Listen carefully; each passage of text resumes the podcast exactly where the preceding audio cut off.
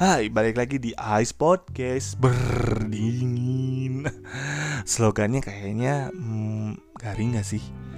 Nah buat kalian nih yang punya ide buat slogan Bisa dong ngasih sarannya sama gue. BTW balik lagi nih sama gue Ice. Yang di podcast kemarin tuh bilang bakal ngejelasin tentang yang namanya K-pop. Nah bakal kita bahas sekarang. Tapi sebelumnya nih Ice tuh dapat uh, namanya apa? Info ini tuh dari uh, searching lewat Google via mbah Google gitu. Via mbah Google kalau nggak salah tuh di Wikipedia. Nah apa itu K-pop? K-pop itu singkatan dari Korean pop. Jenis musik yang populer berasal dari Korea Selatan. Nah sumber alirannya itu ada pop hip hop R&B urban dance pop EDM pop indie sama retro Kebudayaan K-pop ini dimulai tahun 1885 dan awal 2000-an. Terus alat musiknya juga biasa digunakan yaitu ada uh, gitar, bass, drum, keyboard, flute, sama grand piano. Awal mula genre musik baru di Korea tuh tahun 1885-an yang disebut namanya chongga. Nah awalnya tuh pakai instrumental yang tadi gue sebutin dan diadaptasi lagi uh, apa diadaptasi dari uh, lagu pop barat tapi pakai lirik bahasa Korea. Jadi di ulang tuh. Contohnya ada namanya Oh My Darling Clementine. Judulnya jadi Sim uh, Sim Chongga terus yang gue tahu nih ada uh, dari Davi yang judulnya Mercy. Sekarang tuh dibawain sama SNSD atau Girls Generation judulnya Dancing Queen. Tapi lagu yang udah di aransemen tuh biasanya maknanya itu jadi berbeda sama arti lagu sesungguhnya yang originalnya itu jadi ya dibedain gitu. Terus pada tahun 1910 sampai 1945 pas penjajahan Jepang tuh musik genre ini digunakan mengekspresikan kesedihan, kepedihan dan harapan dari penduduk Korea tapi disita sama Jepang koleksi canggahnya itu terus diterbitkan tuh sama mereka dengan buku lirik sendiri. Ya namanya juga orang dijajah nggak boleh uh, lebih dari yang menjajahnya gitu kan. Tapi lagu yang terkenalnya sampai sekarang tuh ada namanya Hui Manga eh manga apa mangga gitu. Nah artinya si Hui Manga tuh uh, yang Ice dapat tuh artinya harapan gitu Terus musik K-pop juga genrenya beda-beda. Ada yang namanya oldies. Oldies itu yang dipengaruhi musik barat dan populernya tuh di era 60-an. Ada juga nih musik rock. Ini tuh pada tahun uh, 70-an. Nah, musik rock ini di Korea pertama kali itu dibawain sama Cho Yong Pil. Gitu. Terus ada juga musik trot namanya. Nah, musik trot ini menurut gue sendiri kalau didengerin kayak musik dangdut kalau di Indonesia gitu. Terus musik ini tuh uh, namanya apa?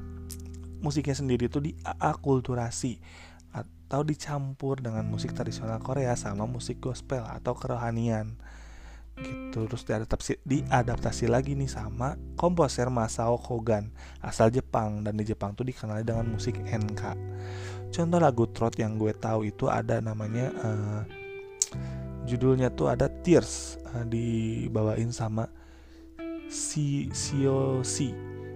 Sosi apa Sio Si ya? Pokoknya tulisannya tuh S E O C Seo C gitu. Itu tulisannya ya bacaannya tuh entah Sio Si atau Sosi Ice, uh, gue juga takut salah. Tapi tulisannya gitu. Nah baru nih tahun 90-an muncul musik pop modern di Korea yang cenderung beraliran beraliran dance dan hip hop. Pasar utamanya juga nih anak-anak remaja. Nah, makanya muncul yang namanya teen idol yang sangat digilai itu di berbagai macam negara deh. Di Indonesia juga umum perempuan, laki-laki semua pasti menggilai yang namanya teen idol ini. Baru nih tahun 2000-an muncul bakat baru yang genrenya tuh aliran musiknya hip hop dan juga R&B yang berkiblatnya ke Amerika. Contohnya tuh ada MC Mong, Super Junior, Rain sama Big Bang. Mereka tuh nggak cuma sukses di Korea deh, mereka juga sukses di luar negeri. Baru muncul juga beberapa artis atau musik uh, kayak underground, rock, musik techno. Nah, musik techno tuh apa namanya? Memberikan nuansa modern. Jadi nggak cuman hanya di Korea disukainya tapi hampir berbagai macam negara suka sama namanya musik techno ini. Contoh penyanyinya tuh ada Lee Jung Hyun atau di Korea dibacanya Lee Jung Hyun. Dan ada yang namanya Kim Hyun Jong. Mereka tuh sudah mendapatkan pengakuan di Cina dan juga Jepang. Terus ada genre uh, yang namanya ballad Nah, ballad ini yang paling banyak didengarkan oleh orang Korea. Karena musiknya tuh cenderung musik uh, dengan lirik sedih yang apa ya namanya? tentang cinta gitu, yang didasari tentang cinta. Mungkin kenapa pada suka karena orang Korea mungkin baper juga kali ya. Nah, kita kenapa uh, banyak didengerin? Karena sering jadiin soundtrack sama drama-drama yang terkenal di Korea. Makanya banyak banget yang dengerin musik ballad ini gitu.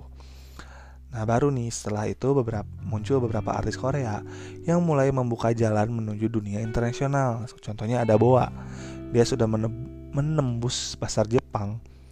Dia juga pernah uh, yang gue tahu ya, dia pernah ngisi soundtrack uh, anime Inuyasha.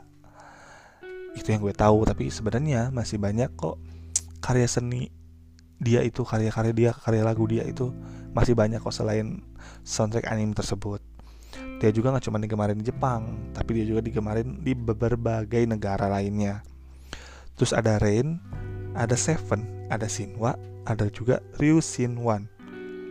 Nah, Rain juga ternyata tercatat sebagai artis Asia pertama yang mengadakan konser internasional bertajuk Rainy Day 2005 at Madison Square Garden baru muncul nih idol-idol lain kayak TVXQ, SNSD, 21, Miss A, Tiara, 4 Minute, Sister Infinite, masih banyak lagi deh. Nah mereka tuh buat anak K-pop sekarang disebutnya tuh legend dari K-pop gitu. Padahal kan ya sebelumnya masih ada tuh kayak siapa?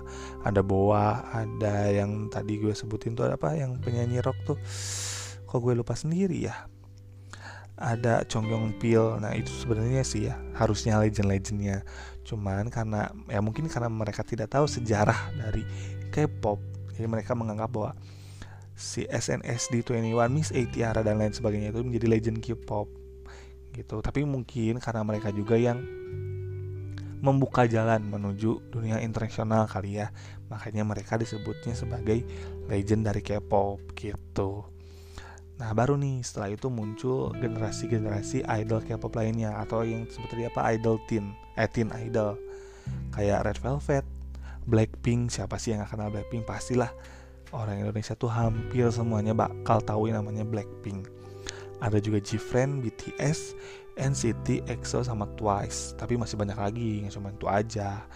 Nah, itu sejarah K-pop yang udah gue cari nih informasinya di Google.